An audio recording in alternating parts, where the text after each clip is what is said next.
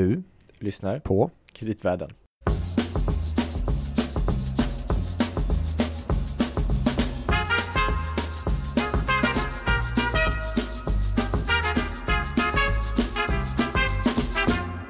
Då så Louis. Då så Gabriel. Mm. Från valrörelsen kan man säga och Mm. annat som är väldigt aktuellt för kredit, Bostadspolitik. precis, för kreditmarknaden och, och så vidare. Till ett av våra lyssnares mest önskade Ja. typ av ämne. Krisande bolag har det ju det Mm. är många som inte tycker det är intressant. Och Mm. även det här med redovisning. Mm. Och någonstans, de där sakerna hänger ju ihop. Mm. Eller ja, skönmålande redovisning kan leda till krisande Jag bolag. tänkte säga att man kan använda redovisning för att se vilka som är krisande, men det kanske inte är så enkelt. Ja, det var ju det som var frågan. Ja. Det vi ska försöka reda ut. Som vi gör. Ja, och du är Olof Landeman. Ja, du är Gabriel Bergin. Ja, på Danske Bank. Ja, Markets Ja. och kreditanalys. Precis. Och idag har vi åter som gäst Peter Malmqvist. Hej! Välkommen. Välkommen tillbaka. Tackar. Och för de som eventuellt mot förmodan kanske inte känner dig. Du är chefsanalytiker på Remium. Och jag är också ganska bra på redovisning. Ja, jag är lärare exakt. på både Stockholms universitet och Handels i olika redovisningsämnen. Så att redovisning är någonting som jag är intresserad av. Dessutom så går jag igenom varje kvartal en stor mängd delårsrapporter för att titta efter ja, att de helt enkelt följer reglerna, de här bolagen. Och Som rapporterar ordförande avvikelser. i... ehm, Ja, det gör jag faktiskt på uppdrag av Stockholmsbörsen. precis. Så att, eh, och det har jag gjort sedan 1997 faktiskt. Så jag har ganska gott grepp om Du har ja, din- tendenser, trender och avarter faktiskt. Du har ju din stora databas också med massa nyckeltal och grejer, eller hur? Ja, det har jag. Mm. Den, den försöker jag då... Hur Eh, långt tillbaka i tiden går den? Den går, lite beroende på vilka data vi pratar om, så går den tillbaks till ungefär 1995 på bolagsnivå. Mm. Men på aggregerad nivå så har jag data faktiskt tillbaks till 1976. Wow. Så jag sitter med nog nyckeltal som eh, inte så många andra har faktiskt. Just när det gäller längden på nyckeltalen. Faktiskt. Den är väl eh, inlåst någonstans i en källare, den där databasen. ja, precis. Ja, eller något. ja, men det, jag tänkte för att vad vi hade tänkt göra idag eh, tillsammans med dig, för du känns som att du blir en perfekt eh, ciceronen här, är att gå igenom några vi har ju tidigare pratat om ett amerikanskt bolag, bland annat Enron, som hade vissa problem. kan man lyssna på ett gammalt poddavsnitt. Vi ska i ett kommande avsnitt snart ta upp ett annat amerikanskt bolag. Men vi tänkte idag prata lite exempel från härifrån Sverige Mm. på en del saker vi har sett. eh, Lite trixande med redovisningen och problem som det har lett till. Och då tänkte vi ta upp några fall. Och det första fallet går ju tillbaks, det var därför jag undrade hur långt tillbaks din databas går. För det här är ju tillbaks till början på 80-talet. Men då, är, då var du redan inne där och Ja, jo faktiskt. Jag var med då. Mitten av 80-talet satte Ja. jag igång. För att bolag nummer ett som vi tänkte prata lite grann om idag är Fermenta. Ja, det är en av, eller det är den första riktiga kraschen Mm. som jag fick vara med och uppleva då alltså. Och det var ett riktigt 80-talsfenomen kan man säga va? Det var ett 80-talsfenomen men som i mina ögon har återkommit i större eller mindre Mm. utsträckning även varje decennium därefter. Det finns alltid någon high flyer, någon som liksom går på vattnet och sen Mm. så helt plötsligt så går det inte att gå på vattnet det. längre och då kommer det dråsande ner. Alltså. Och ska vi, vi tar lite grann kort historik där, för jag tror att en del känner till det här och andra kanske inte gör det. Då. Men det var ju en person som man inte kommer förbi här när man pratar om Fermenta och det är den här Refat El Sayed. Eller El Sayed. Mm. Och han köpte ju ett litet läkemedelsföretag i Strängnäs 1981. Och det hette Fermenta. Och det var en penicillinfabrik tror jag. Som startades en gång på 70-talet av Astra och Kabi. Så det tog han över. Ehm, och jag antar att det var liksom tanken från början för honom var att det här ska, nu ska vi expandera.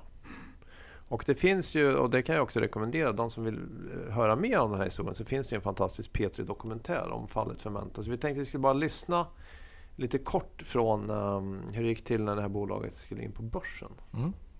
Nu hade Refat äntligen grundat sitt Fermenta. Men planerna för det nya företaget hade bara börjat. För att få in kapital i bolaget insåg Refat att en börsintroduktion var nödvändig. Och då visste inte vi om vad börsen betyder och Sveriges börs var väldigt ung i förhållande till andra börser på det sättet att det gäller regler. Och då eh, började jag lära mig genom att jag åkte till Amerika och började titta på alla företag som har gått på börsen och se vi behövde kapital. Och det, och det var Handelsbanken som eh, hjälpte oss att komma upp på Stockholms fondbörs.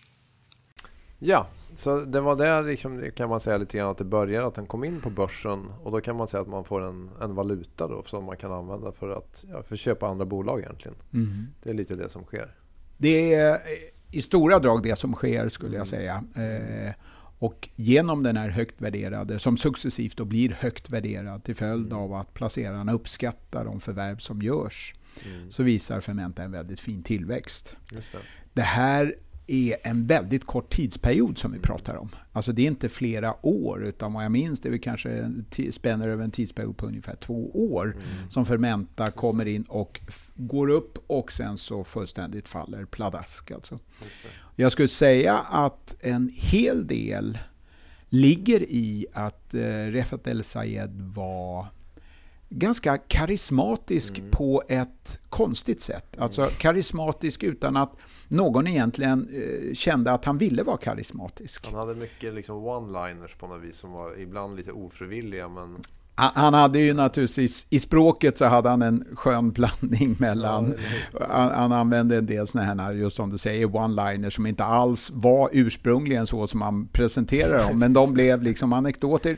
Och ibland eh, på kapitalmarknaden, särskilt på börsen då, så vill vi ha någon udda figur, någon som bryter mönstret, någon som kan visa att man kan komma utifrån Sverige som invandrare och ändå lyckas och bli mångmiljonär. Vi, vi gillar den typen av är stories. en bra idé och- på, på en outsider så här, som man Ja. vill tycka om för man känner vad skönt. Här är en kille som... Vi pratade så mycket tror jag om att han inte tog ut så hög lön själv till exempel. Till exempel spelade fotboll på kvällarna med sina gamla polare. Liksom. Det, är det, det är liksom mannen av folket som liksom får gifta sig med prinsessan ungefär, det vill säga eh, pengarna då, eh, oftast i näringslivet. Va? Det, ja, vi, vi gillade det. Han var en udda typ. Va? Det tror jag har en väldigt stor betydelse. Sen så sannolikt, eh, alltså det är ju svårt det här med siffror och så på väldigt kort tid, men han lyckades som sagt vända ett förlustbolag till ett vinstbolag. Och sannolikt så hade han rätt bra rådgivare på aktiemarknaden som lyckades lite som såna här historieberättare teckna en framtid för det här bolaget som allt fler köpte. Och när kurser stiger, fler hänger på, så faktiskt tittar vi allt mindre på fakta och litar mer och mer på prognoser. Och det är inte självklart bara prognoser som kommer från företagsledningen, utan det är prognoser som kommer från analytiker på marknaden i många stycken. Men i korthet så var affärsidén att köpa upp fler läkemedelsbolag och ha sitta synergier på distribution och så vidare. Ja, alltså, sen ska vi bygga en internationell läkemedelskoncern sa han väl. Det som skulle tampas med de här stora bolagen. Och det intressanta var ju att det här var ju väldigt nära att lyckas. För det var ju, jag tror jag fick skulle kunna lyssna på en grej till. Det är från januari 1986 då. Och då är det ju en presskonferens som har Fermenta tillsammans med PG Gyllenhammar på Volvo. Och då, det här, i den här svängen då skulle ju de ta över bland annat Pharmacia och köpa det från, uh, från Volvo. Och Volvo skulle då få 20% av aktierna i, uh, i Fermenta. Och i och med den affären så skulle ju då Fermenta bli ett av Sveriges faktiskt största företag. Den här konferensen egentligen kommer att bevittna en av de mest intressanta uppläggningen i näringslivet, i svenskt näringslivet på 30 år tror jag.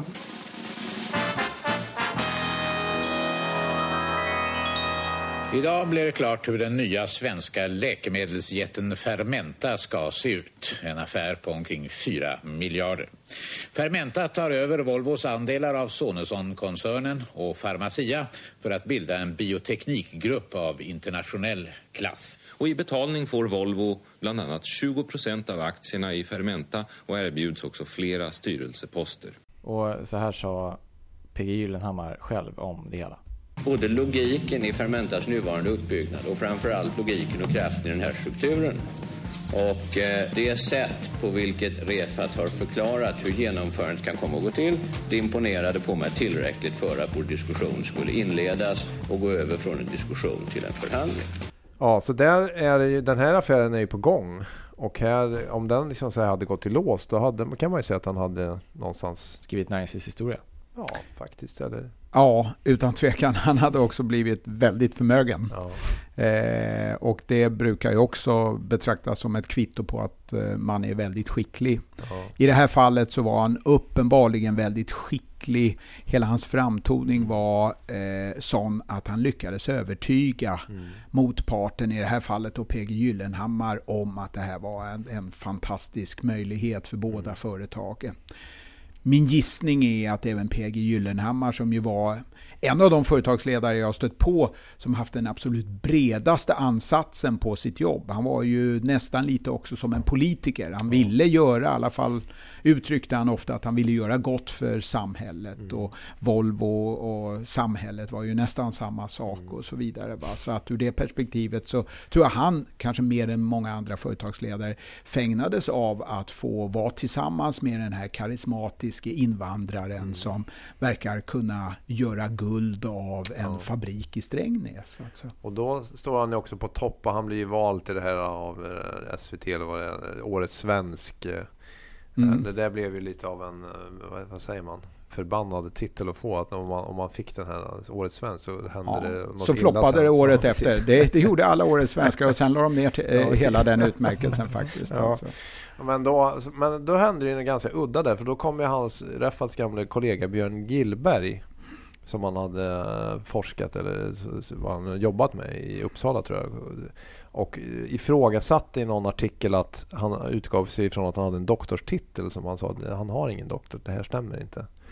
Och sen eh, hände väl den här härvan att egentligen Reffat först eh, i princip förnekar och säger att det här inte stämmer och sen efter några, till slut så blir det liksom ohållbart och då går han väl ut och ber om ursäkt och så vidare men någonstans är det där för sent och då, då bör man upp just det här hur Volvo man, har väl också redan dragit sig ur Ja, det, det händer väl i, i samband med det här i princip. Då, för någonstans, då får man den, den här bilden av Reffat förändras och då, ha, han, det går inte att lita på honom längre och så vidare. Nej, eftersom hela allting. utvecklingen låg på honom Mm. personligen. Ja. Och en eh, aktiekurs som fullständigt exploderade och gjorde naturligtvis alla som var med på tåget oerhört lyckliga. Så är naturligtvis om det då kommer ett riktigt grundskott helt från en annan planet.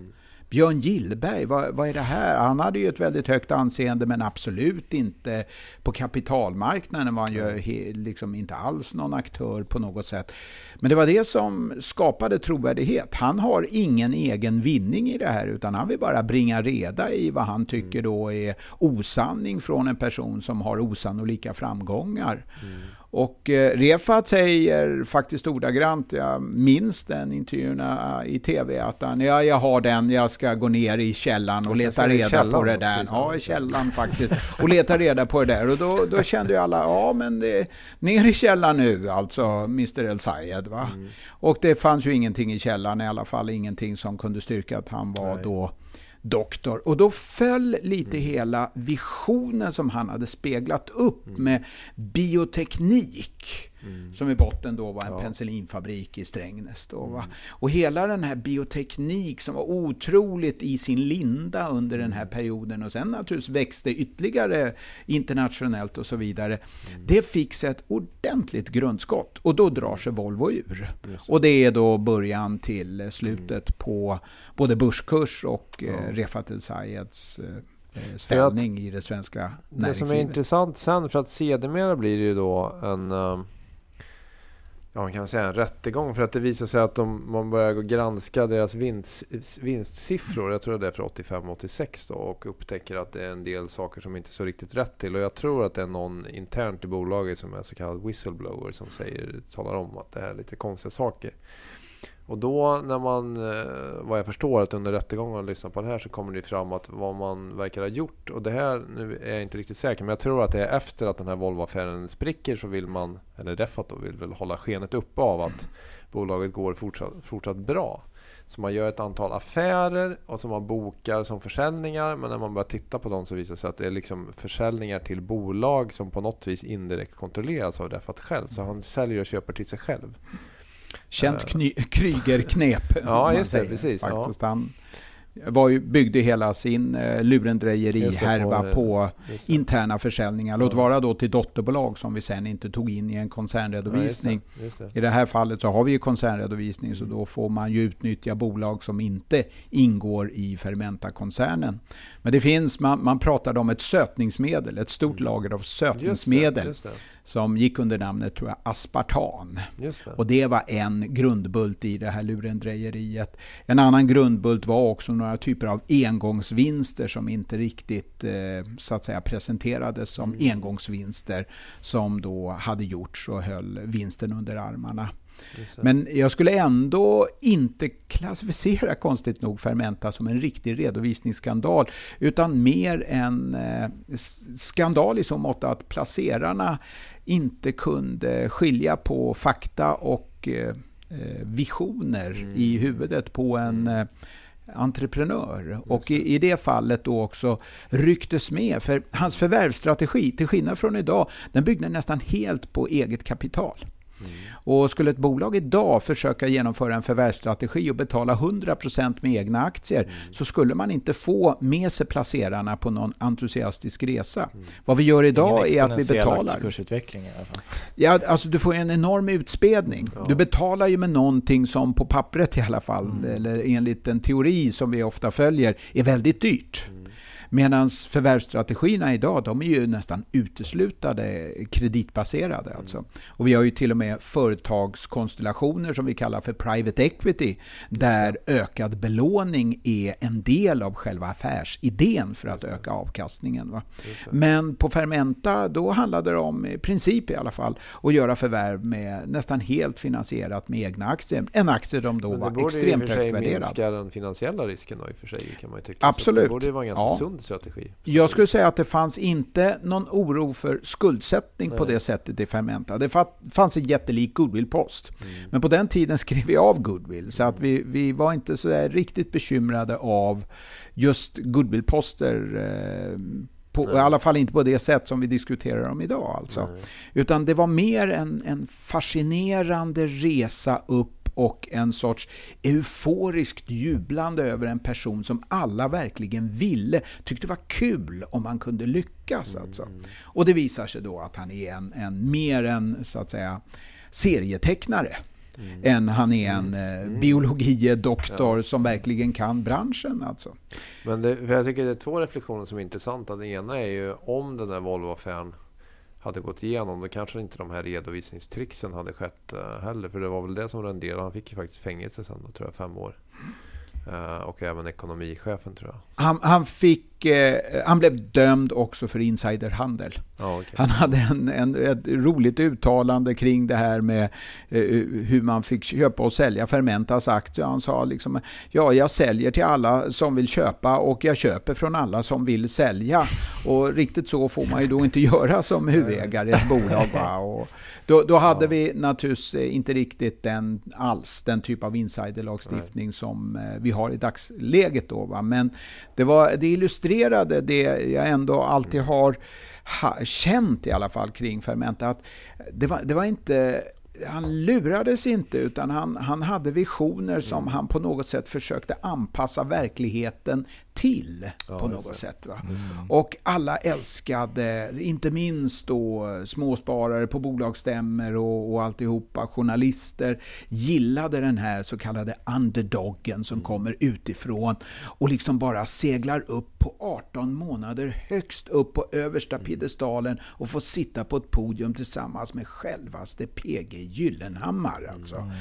Ja, det var stort. Och sen så bara följde pladask som en eh, ja, pannkaka rakt ner till malken. Alltså. Det, det, det var en lärdom, utan Ja. tvekan. Det var en lärdom också i börspsykologi skulle jag Ja, säga. exakt. Ja, precis. För som du säger, det- kommer tillbaka liknande fall från tid till annan. Ja, Absolut, liknande. inte dock som har alla ingredienser Nej, som man var säger. precis och, och i, I vissa fall så, eh, ja, så, så, är det ju i betydligt mindre skala. Det här, det här var, blev enormt stort. Alltså. Och när han skulle då ta över Pharmacia, som ju verkligen var ett läkemedelsföretag, om än ganska enbent. Pharmacias problem var att de egentligen hade en substans som de gjorde olika grejer med på olika sätt. Då, och det var ständigt Volvos dilemma. Hur ska man kunna vidareutveckla Pharmacia? Och då försökte man på olika sätt köpa upp. Man köpte upp Leo och så vidare för att mm. få ihop det där och bli en bredare koncern. Och så kommer Refat El Sayed och Fermenta in i den bilden samtidigt. Va? Och,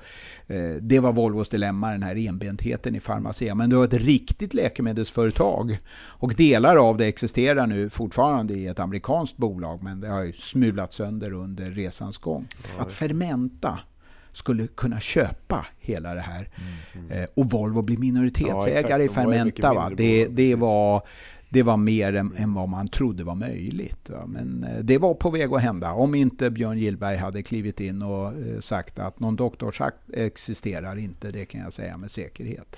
Men själva börspsykologin känner vi väl ändå igen från några år senare, dotcom-eran liksom? Med den liksom det är samma mekanismer skulle jag säga, men dotcom är ju då, eh, som vi vet, en, en bred trend. Fermenta var en isolerad företeelse som i och för sig red på då en biotekniktrend. Mm som var väldigt en, nytt då. Stigande vad, vad aktiemarknad var det väl också där på Sti Absolut, stigande. Det, det, är lite, när de börjar är det mm. inte så mm. stigande aktiemarknad, men när de slutar så är det stigande aktiemarknad. Och det beror inte på Fermenta, Nej. utan det beror på den allmänna utvecklingen. Mm.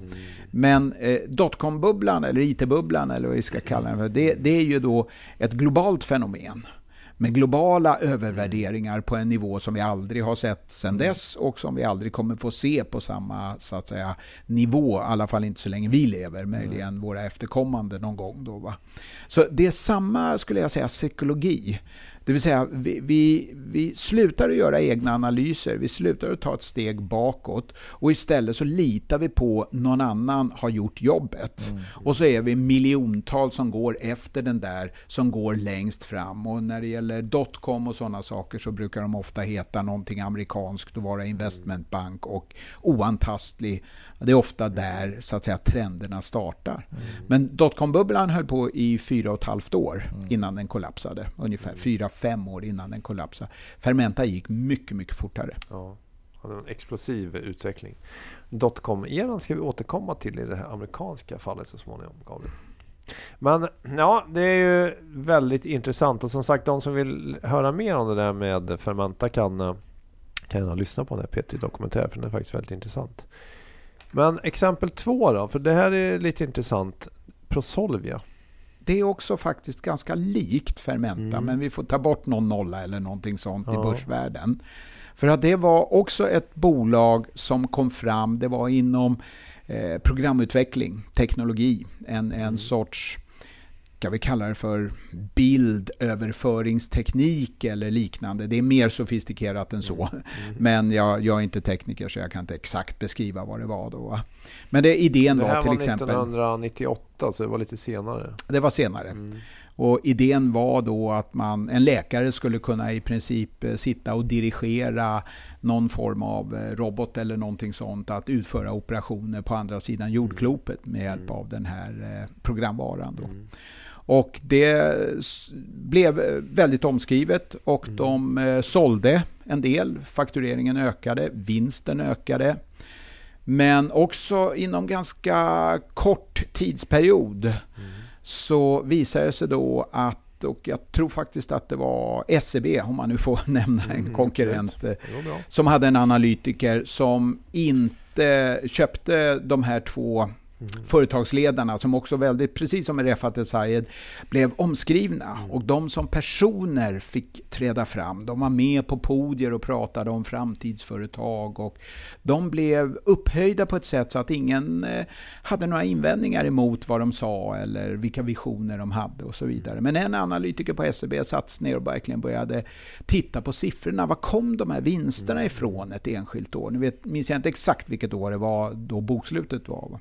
Nej. Och då kunde man konstatera att de hade då sålt och det är ju likt Fermenta och mm. El Sayed efter mm. Volvo-affären. De hade alltså sålt en programvara till ett dotterbolag. Mm. Och Och gör man det, då måste man ta bort hela vinsten mm. från koncernredovisningen. Som en intern transaktion egentligen. För att det är en intern transaktion. Och har du ett dotterbolag så kontrollerar du det, så den där vinsten finns egentligen inte. Så den måste bort, 100% måste bort. Då lyckades de kringgå det genom att övertyga revisorn om att att eh, det är visserligen dotterbolag, men vår avsikt är att förvandla det här till intressebolag, alltså mindre än kontroll. Så de ägde 51 procent och det var inte en tillfällighet att det just var 51. Men de lyckades övertyga revisorn om att eh, de snart skulle kunna sälja 2 procent och då äga 49 procent. Och I förväg då så betraktade de det här dotterbolaget som de hade sålt programvaror till och gjort stora vinster på. Alltså vi pratade om att en betydande del av vinsten det året kom från de här interntransaktionerna. Mm. Då lyckades de övertyga revisorn om att det här faktiskt var ett intressebolag. Och har man ett intressebolag då behöver man inte ta bort hela vinsten. Då behöver man bara ta bort den del av vinsten som man inte själv äger, mm. vilket ungefär var hälften då. Va? Och därigenom så blev det, alltså vinstnivåerna var typ 90 miljoner i ett bolag som kanske tjänade 110 eller någonting sånt. Mm. Uh, och då fick de ta bort halva de 90 miljonerna och de borde tagit bort hela. Mm. Och det här, när det då började cirkulera runt eh, så eh, blev det rätt mycket skriverier om det. Och eh, den här fällande domen då mot mm. revisionsbolaget som, ja, som råkade precis, illa ut då, eh, 15 år efter, den handlar väldigt mycket om att eh, de här den dåliga revisionen gjorde att det blev skriverier om bolaget. Mm. Och skriverierna i sig och den dåliga så att säga, bilden av bolaget som då frammanades eh, gjorde det omöjligt för bolaget att göra en nyemission. Och därigenom så hamnade de på, ja, fick de problem för att de inte kunde göra den nyemissionen. De gick i konkurs i december 1998. Ja. Och, eh, men men det, det, det intressanta var sen också när saker och ting började spridas fakta faktiskt om det här bolaget. Mm. Så verkar det som att det var inte deras programvara som de själva hade utvecklat. Utan det här var en programvara som köptes in från ett franskt bolag. Mm. Så att egentligen var de bara återförsäljare. Och, Ja, det, alltså det är en sak ja, om du har egenutvecklade produkter. Svindleri då kan man ju säga. En, en, form av svindleri, för att vad de då gjorde, Prosolvia, det var att de startade upp utbildningscenters delägda utbildningscenters, bland annat med den här statliga industrifonden mm. faktiskt. Eh, och sen så därigenom så lyckades de då på något sätt skapa intäkter och försäljning och en sorts konsultarvoden via de här utbildningscentren. Eh, och om, om det sen fanns någon sanning i om, om, att det här inte var deras mm. egen programvara, det har jag aldrig tagit reda på. Mm. Men det är naturligtvis konstigt att om ett bolag har väldigt höga värden baserat på en programvara och sen när bolaget går i konkurs så finns det inga värden kvar att sälja i den konkursen. Nej. För det fanns inte. Om det verkligen programvaran hade varit deras och om programvaran mm. hade varit så fantastisk som mm. den speglades av företagsledningen. Då hade den naturligtvis gått att sälja den långt innan en konkurs. Det hade också varit fullt möjligt att intressera någon part att ja. vara med i en riktad nyemission. Ja. Så att ur det perspektivet skulle jag säga att de lyckades med redovisningstrixet då. Eh, att göra en internförsäljning och få en ordentlig vinst. Och den gick alla på, utom en analytiker på SEB. Han gick ner i siffrorna och försökte verkligen ta reda på vad det Han gick ner i källaren. Ja, i källaren. Han gick ner i källaren. Titta på siffrorna. Men det är intressant för bolagsledningen friades det var ju många turer och rättegångar efter det för att reda ut det här. Och det intressanta här är ju faktiskt att revisorn slutar med att bli fälld och byrån får betala mm. skadestånd.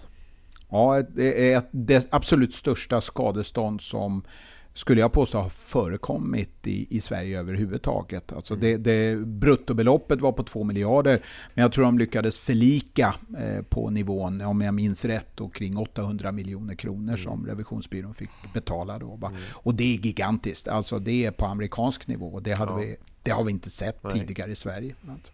Så det är, för det är ganska ovanligt just att revisorn blir fälld. Så att säga. Ja, det, det, det är ju så här, det är lite samma i HQ-fallet. Revisorer har försäkringar. Mm. Och därför om man ska stämma någon i en företagsaffär, även om det är styrelsen som har gjort fel, mm. så brukar den som då är förbannad och vill ha pe mer, pengar mer ur det här. Att gå på. Ja, det är mer lönsamt att gå på revisorerna, för mm. revisorerna är täckta av försäkringar. Så att har man ett miljardskadestånd då, så några enskilda styrelseledamöter utan några större förmögenheter kan ju inte betala det. Utan Nej. Eh, då handlar det ju om att det är försäkringen som ska täcka det här skadeståndet. Så konkursboet och då de aktieägare som gick miste om sina besparingar, det är de som får utbetalt? Ja, vem som nu får betalt i slutändan, det vet jag faktiskt inte. Jag har inte följt det så noga. Men att det var en riktigt redovisningstrick som den här SEB-analytikern lyckades mm. avslöja, det är utan tvekan. Det, det, var ganska sofistikerat, måste jag mm. säga. Och jag tittar på årsredovisningarna själv och det står där, men man får läsa väldigt noggrant. Och mm. Eh, det gjorde den här analytikern och, och, det är ganska imponerande. Så det, utifrån de här två första fallen så är lärdomen lite grann att man ska inte, un, försök att inte dras med i så här masspsykoser och försök själv gå in och titta på detaljer och fundera på, verkar det här rimligt som man säger? Nästan allting som expanderar snabbt tar slut, även om det så att säga, kan ta en hel del tid. Va? Och när det expanderar snabbt så skapas den här typen av masspsykos. Och det ser vi i många fall, i stort och smått. Alltså vi, vi har ju små rallyn och små bubblor mest hela tiden tycker jag de senaste tre fyra åren. Det kan vara spelbolag eller Fingerprint eller mm. någonting sånt. Och jag menar inte att Fingerprint på något sätt har lurats med redovisningen eller något. Men just den här psykosen som ja. uppstår, möjligheten att tjäna mycket pengar på kort tid. Mm. Den är alltid lockande för en hyggligt stor grupp av placerare faktiskt. Mycket intressant. Vi har ett tredje fall, men jag tänkte att vi eh, tar det i nästa avsnitt om du kan tänka dig att eh, komma tillbaka Peter. Det gör jag gärna. Mm. Härligt. Jag håller er på halster. Ja. Vi kan säga att bolaget har nämnts. Bolaget har nämnts. För att se hur uppmärksamma ni var. Precis. Jaha. Bra. Då så. Mm. Tack för idag och på återhörande. Tack.